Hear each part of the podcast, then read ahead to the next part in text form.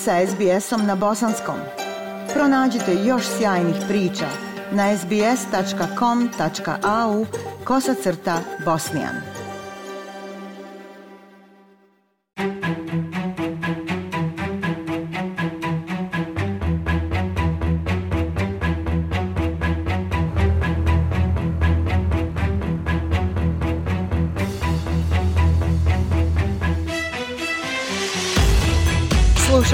SBS program na bosanskom jeziku. Ja sam Aisha Hadži Ahmetović.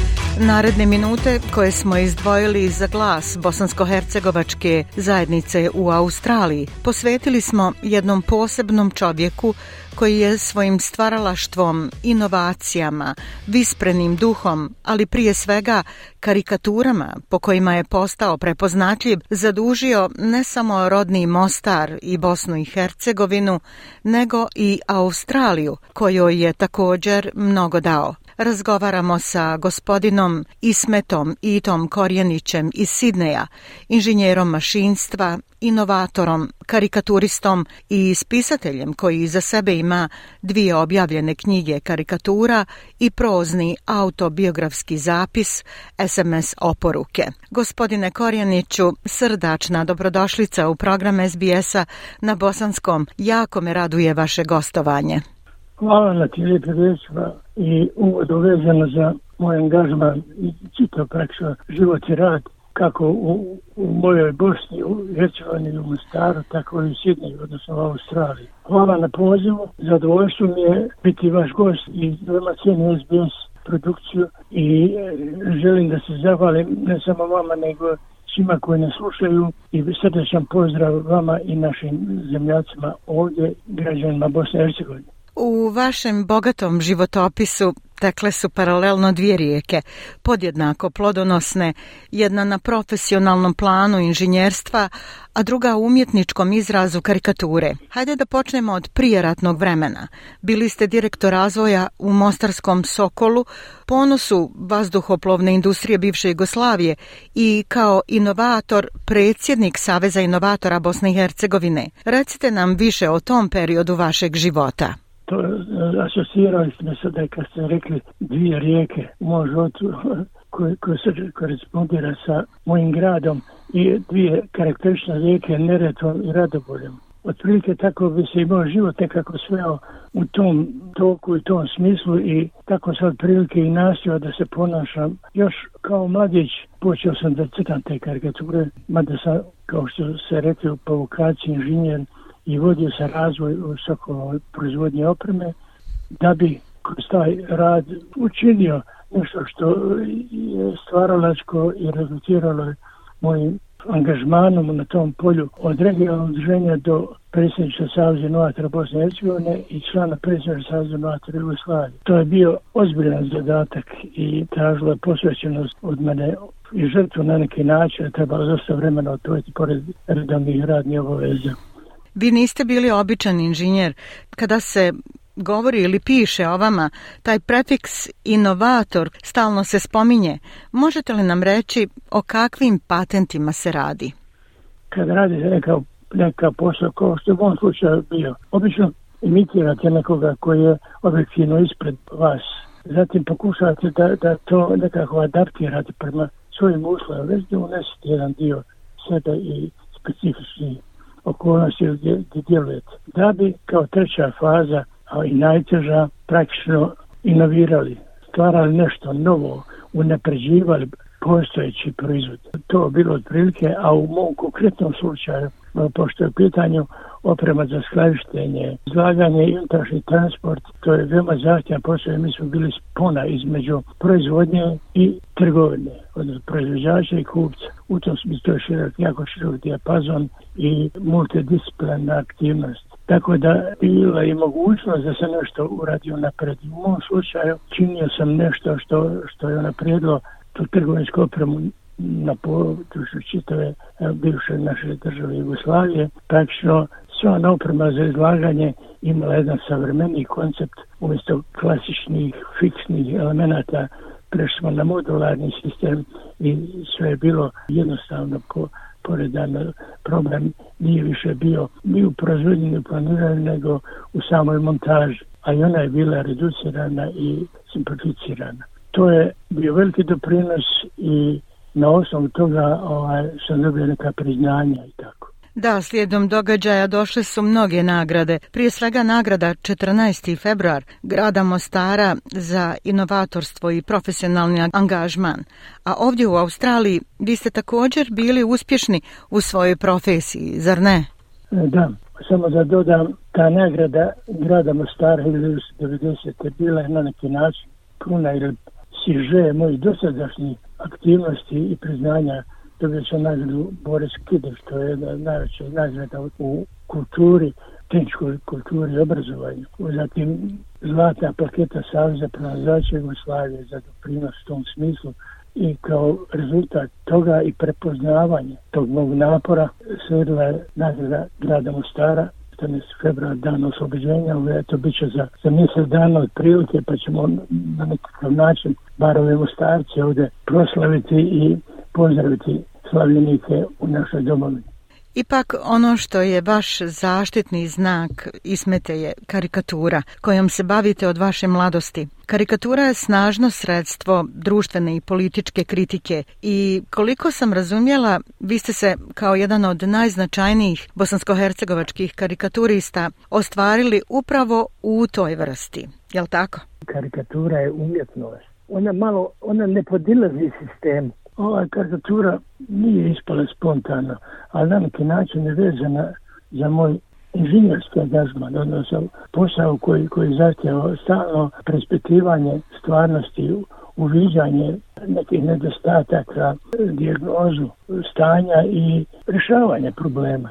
E, karikatura ima sličnost, morate prepoznati problem, identificirati ga, pravilno, objektivno diagnozu postaviti i kroz jedan da kaže satiričan, duhovit način u obliku srteža da to iskritikujete, ali u toj kritici vi praksi ovdje zajedite usmjerenje nekakva rješenja tog problema. U mom slučaju, Rahmetli otac je imao smisla za, za crtanje. To se vjerovatno prinijelo na mene. A što se tiče mame, ona je bila ozbiljna i seriozna, tako da se i to... Naravno, imam ja i strana koje nisu za pohvalite, koje sam preuzeo. ovaj, crtao se karikature još kao vlad, kao što se rekli, i prvo lokalni listovima, mostarski lokalni, kao što je Sloboda, ali vrlo značajan kulturni barjektar razvoja Hercegovine u tom smislu, pa da bi godinu dvije kasnije, ovaj, znači 65.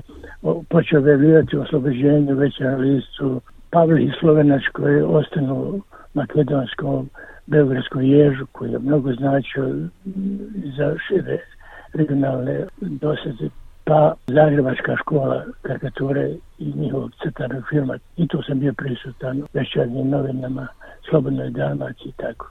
Ko je bio vaš uzor u karikaturi? Koga ste posebno cijenili i zbog čega? U to vrijeme moj uzor je bio Adi Bolebegović. On je dobiti najveći jugoslovenski priznanja u karikaturi.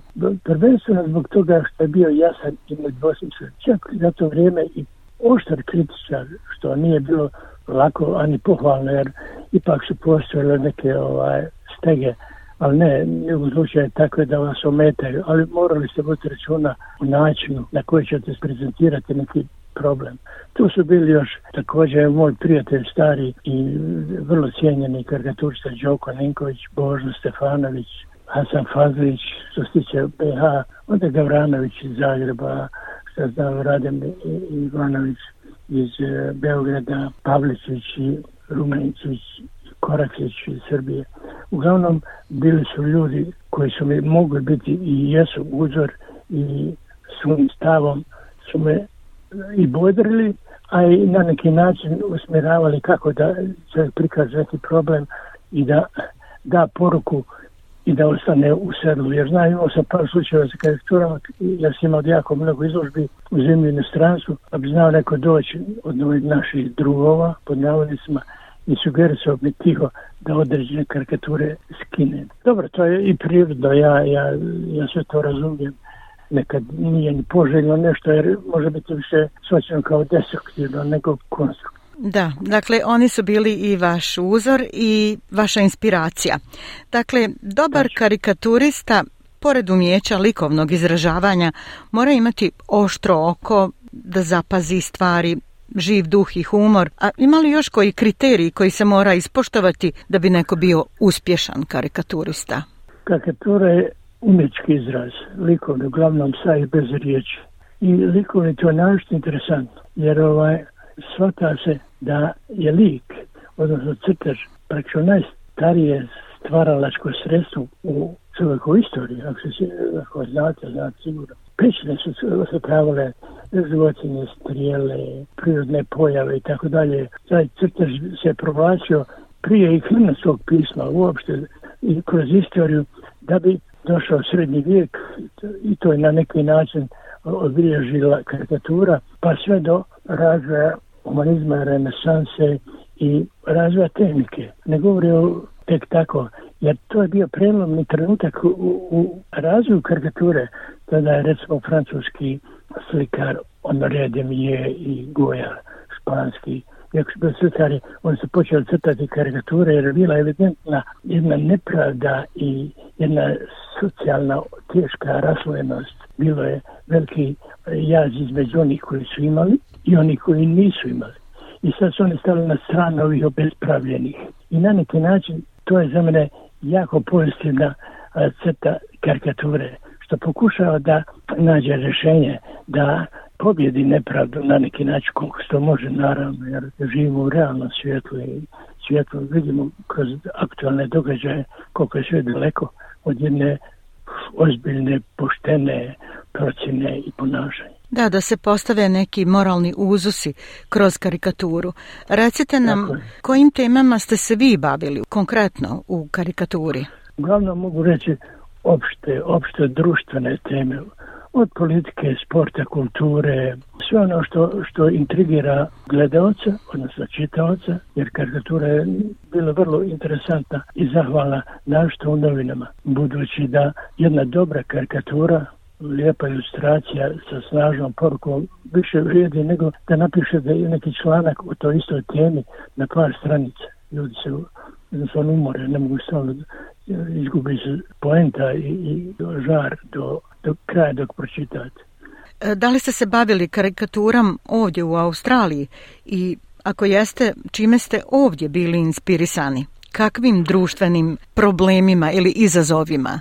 Interesantno pitanje. Ovaj, kad sam došao iz, e, ovde, pričam možda kasnije kako sam došao tu, ja sam na neki način bio malo skrajnut, da kažem, jer obišao sam neke redakcije, jer to ne mogu da izbignem, volim to da radim i što nisu, nisu legle moje karikature.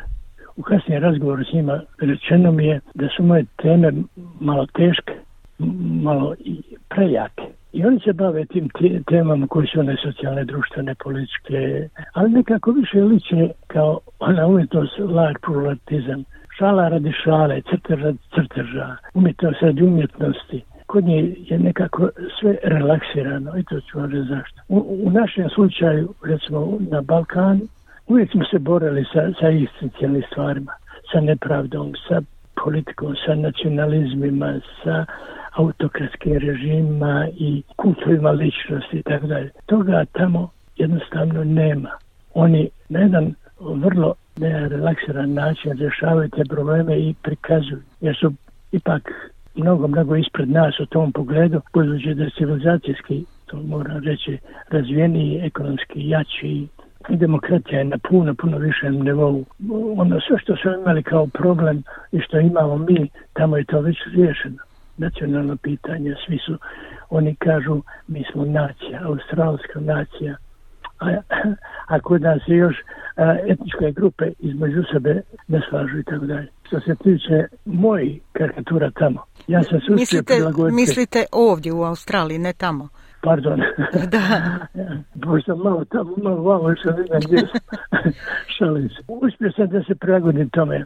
I na neki način baš jedna, jedna moja karikatura, bila je karikatura sedmice u jednom stranskom listu, gdje sam afirmisao vrijednost novog sidneskog aždroma, koji je toliko precizno predviđen i kontrolisan, da se zna kad će početi raditi, koliko će trajati, koji investitor, koliko će biti radnika, tica, mislim, rješenje svega skupa i to će se poštovati i to mora da bude tako. I to me fascinira, možda ne treba biti tako pristrasan, ali ako ste prisle, pristrasni nečem što je kvalitetno, eto, pristajem i na to.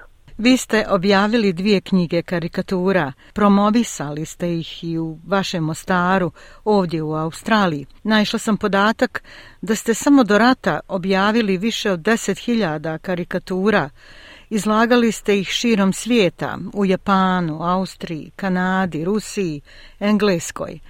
Recite nam, kakav je bio odgovor svijeta? Da li su ljudi razumjeli vaše poruke? to što ste rekli da sam objavio desetak hiljada, to je tačno jer počeo sam relativno mlad, zaista mlad, da, da crtam karikature u velikom broju naših časopisa i novina, tako da ta cifra je nije toliko šokantna kad se uzme obzir da se to radio 50 godina možda. Prva knjiga karikatura je izašla u jednim teškim uslovima, u e, uslovima agresije Bosne i Hercegovine. To sam ja morao da uradim to se ošte kogu pa makar koštalo što koštalo.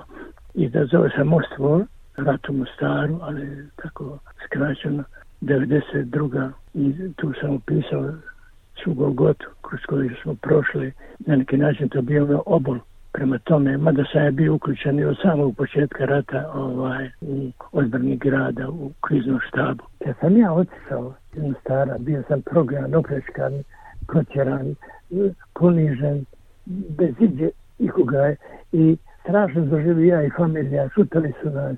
To je nevjerovatno, životinje, životinje. Tad je srušen stari most, 93. Da bi 2004. bio obnovljen, a sada 2024. bit će 20 godina od obdavljanja starog mosta. I evo sad imam, imat ću izložbu u, u okviru mostarskog ljeta, izložbu karikatura, baš tematsku na, na taj jubilej starog mosta. Baš mi je drago i baš je to lijepo. Eto, ne. drago mi je i zbog vas da uvijek imate tu neku motivaciju da radite dalje, da ste motivisani vašim odlascima u Mostar i u Bosnu i Hercegovinu i da vas to na neki način drži i budnim i uvijek ne. živim u tom svijetu karikature. Nije samo, nije lokal patrijat Mostar, svi normalno svako uli svoje mjesto da je zasevka, on govori Oli e, mi Sarajevo, tu sam i familije bilo tamo, svako ljeto i zimu bi išao tamo. I sad dan ne može biti da ne obiđe Sarajevo, ode u Visoko, Prijedo, Banju Luku, koliko može da se obiđe u tom vremenu, koliko čovjek tamo. Druga karikatura je nastala prijedu kad sam se već vratio, u stvari počeo vraćati u Mostar i također sa osjećaju potrebu da treba nešto da se učini, ali sad na kritički način, vezano za ekonomiju, privredu, kulturu, nacionalizam, nepotizam, sve one divergencije koje štete i koće razvoj. Ako, ako se spomenuli u knjigu koju sam pisao kao svoj životopis, ona je također nastala u posljednje vrijeme, predstavlja jedan presjek mog, mog pogleda na život i moj, moj iskustava. Ali da se ogradim, to je moje. I znam da postoje ljudi koji su prošli kroz slične gore situacije, i koje bi također mogli mnogo toga da kažu i, i da, da prinesu. Ne treba glorificirati to što se ja uradio. Vjerujem da ste karikaturom kao sredstvom kritike željeli popraviti nepravde anomalije u društvu, a kojima je naša Bosna i Hercegovina obilovala. Smatrate li da ste vašim radom činili prvu domovinu boljim mjestom? kao neko ko je već putovao po svijetu budući da se vodi razvoj, mislio sam da poznajem svijet i da ovaj, u relativno uređenom društvu kako je Bos eh, Bosna Jeska Jugoslavija, ta Jugoslavija bila, bez obzira na, na sve brojne slabosti što se tiče eh, sistema, vladovine i tako dalje, Mislim da je ovaj, o mnogim stvarima preciznije mogla da bude uzor o, o današnjem E, da kažem, jednom, jednom vrlo bolestnom odnosu prema nacijama, prema politici, prema privredi, kulturi i tako dalje.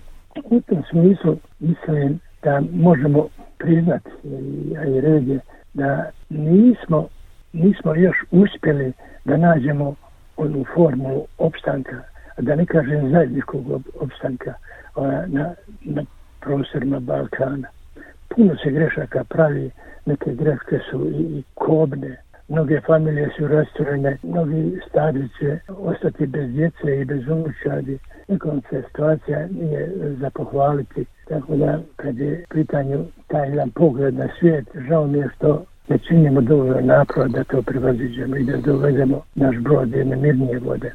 Jedino preostaje nada da će biti bolje da će se dogoditi neka buduća formula, možda u mlađim naraštajima koji će doći, koji će znati da postave pravi omjer svih tih fantastičnih elemenata koje imamo u Bosni i Hercegovini da bi se krenulo nekim putem boljitka. Gospodine Korjeniću, kada saberete sve ono čime ste se u životu bavili, šta smatrate svojim najvećim postignućem? Na što ste najviše ponosni? Pa evo, moj, mislim da je u, u redu moj skromni doprinos Mostaru i Bosne i Hercegovine ovo što sam radio i mislim da sam uvijek bio na pravom putu i nastojao da nesebično učinim ono što mogu. Uvijek druže se sa svojim prijateljima, ne, ne praveći razliku, nastojeći da zajednički i složno učinimo što je moguće da se ovaj situacija na Balkanu smiri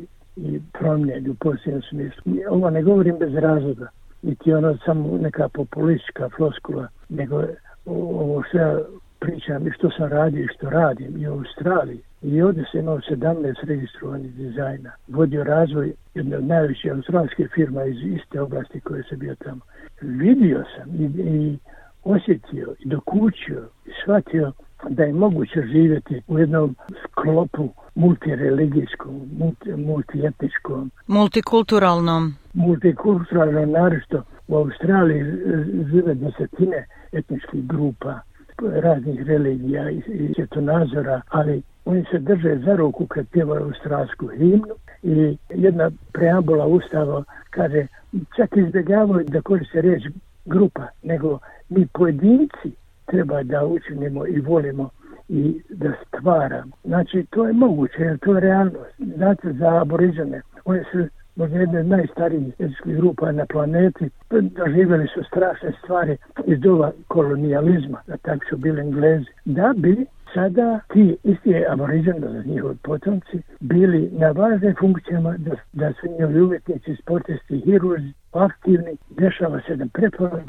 jedno priznanje i jedno izvinjenje. Možete vi svake godine za dan Australije avioni puštaju specijalan gaz, bijeli gaz, i na povjetinu neba vi vidite sorry, one ispišu sorry kao izvinjenje, kao priznanje da su pravili grešku i rehabilitaciju aboriđana kao jedne divne, premenite etničke grupe. To meni daje nadu da će kad tad, a volio bi što prije, slična se stvar dešavati i u našoj Bosni Hercegovini. Da imamo e, nekoliko etničke grupe, oni su sve sebe proglasili nekim nad nacijama, što je apsurd. Postoji Bosne i sam jedna nače, to su bosanci, a njihova religijska i ostala pripadnost je nešto sasvim drugo. Recite nam šta biste poručili bosancima i hercegovcima u Australiji? ovde da kaže, relativno uspješno djeluje ta bosanska zajednica. Kad sam ja tek došao 90, 1993. mi smo uspjeli da to nekako povežemo na, na ozbiljnom nivou gdje smo držali predavanja u Posidneju i tako dalje. To je bil profesor doktor Možeš Čičić, doktor Rađislav Lajlović, Hrle i mnogi drugi, i moje malenkost, gdje smo mi angažovani bili u širenju informaciji istine u Bosne i Hercegovini, imali izložbe, imali razne ceremonije, zvali australske novinare i prezentirali tu to stvarnost, takav stav i dan danas postoji duhu bosanske zajednice i narod prema svojim mogućnostima, naravno, raspoloženom vremenu i tako dalje, oni će isto da zadrže taj duh, slobodarski duh i ljubav prema domovine. To je pozitivna stvar i tako treba nastaviti. Volio bi da naši ambasadori koji dolaze u političari, da malo više povedu računa o tome, da malo se više druže, da to ne bude tek tako posjeta i, ili otvrljavanje diplomatskog mandata. Dakle, da nastavimo voljeti prvu domovinu Bosnu i Hercegovinu. Upravo tako. Gospodine Koreniću, hvala vam na ovom razgovoru, na izuzetnoj poruci koju ste nam uputili. Bila mi je čast i veliko zadovoljstvo razgovarati s vama. Ja vam želim dobro zdravlje i nepresušnu inspiraciju za dalji rad. Nadam se da ćemo se opet čuti. Hvala lijepo i do novog kontakta. Prijatno. Like, share, comment. Pratite SBS Bosnian na Facebooku.